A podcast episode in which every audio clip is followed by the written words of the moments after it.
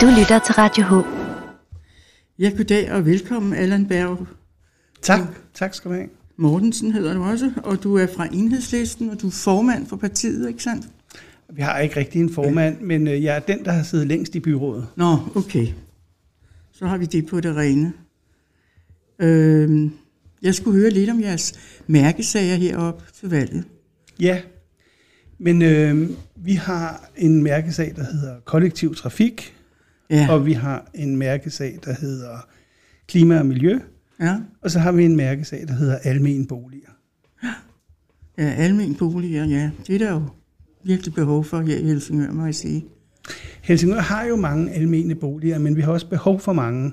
Vi er jo en gammel arbejderby, og øh, i øjeblikket tror jeg, det er 27 procent af boligerne i Helsingør, der er almene. Det er højere end landsgennemsnittet, men der er 5, 10, 15 og 20 års ventetid øh, for at få en almen bolig, og det er jo et udtryk for, at der er for få af dem. Efterspørgselen er større end markedet.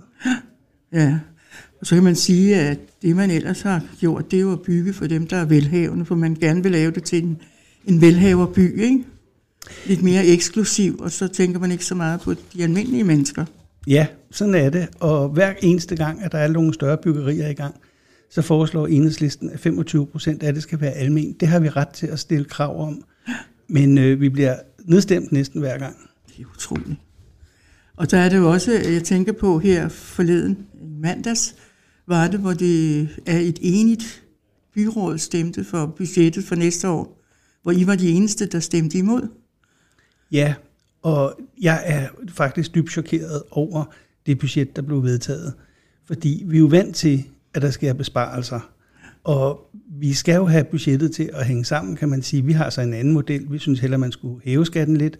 Men det, som jeg er chokeret over, det er, at 23 byrådsmedlemmer af 25, samtlige partier, undtagen enhedslisten, har stemt for et budget, hvor der efter valget skal findes 64 millioner i besparelser.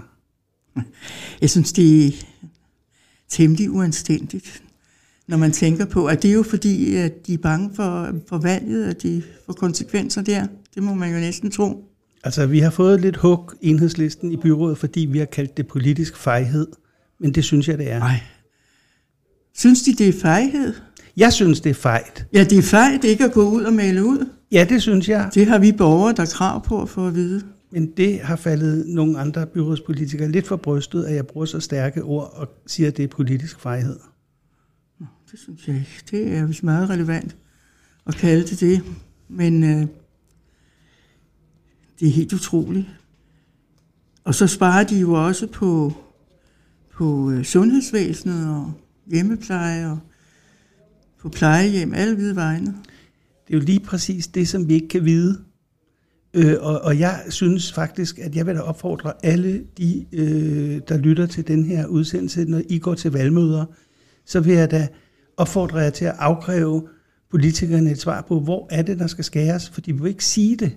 Så vi ved jo ikke, om det er de ældre. Vi ved jo ikke, om det er de handicappede. Vi ved jo ikke, om det er børnene. Vi ved ikke, om det er sundhed. Vi ved ikke, hvor der skal skæres, fordi de har ikke besluttet det endnu.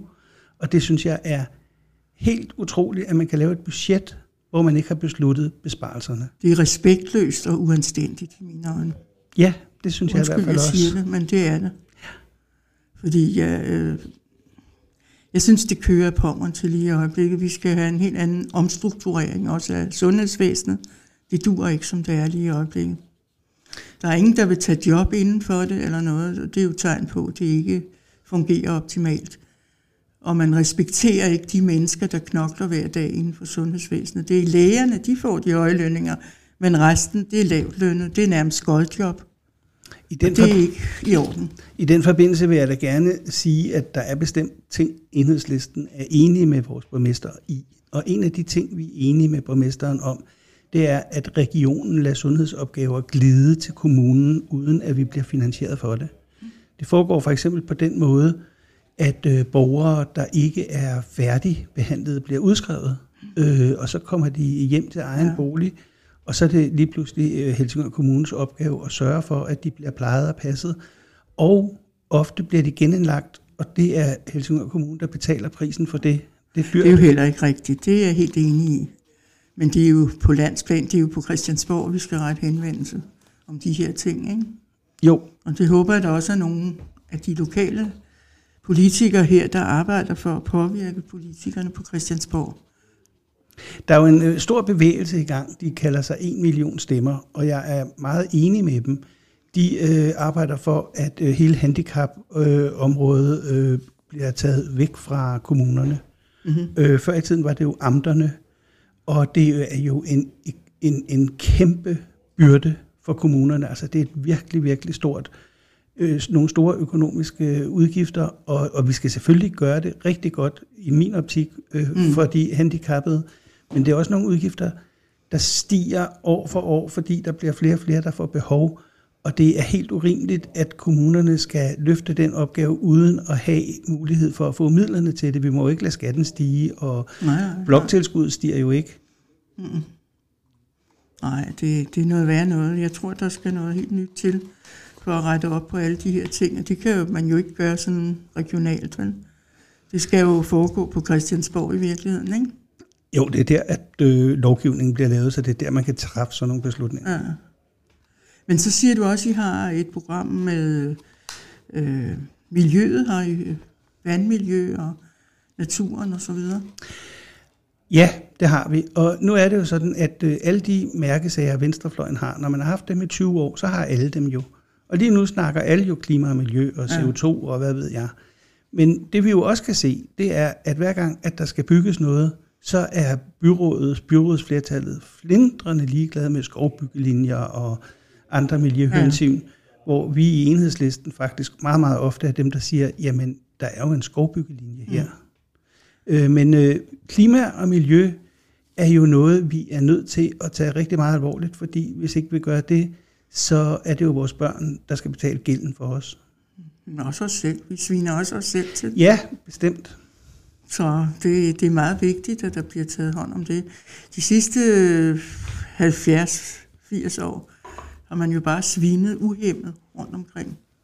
Ja, jeg er helt enig med dig, og vi har nogle grælde eksempler heroppe, altså for eksempel op i Hillerød med øh, Tolstrup-grunden, hvor at, øh, der blev produceret trykimprægneret træ i årvis, og alt giften blev bare efterladt et kæmpe stort giftforurenet område, som bare er indhegnet. Og men nu kan man også se, øh, jeg ved ikke, om man har været klar over det, men det må man da næsten, hvis man har undersøgt det ordentligt med de her øh, fluorstoffer, der er i skum, når man slukker ild, og militæret har brugt det ude i Hellebæk, da de havde øvelsesområde derude, hvor man ellers... I det hele taget er mikroplast jo et voksende problem, fordi vi bruger plastik alle steder.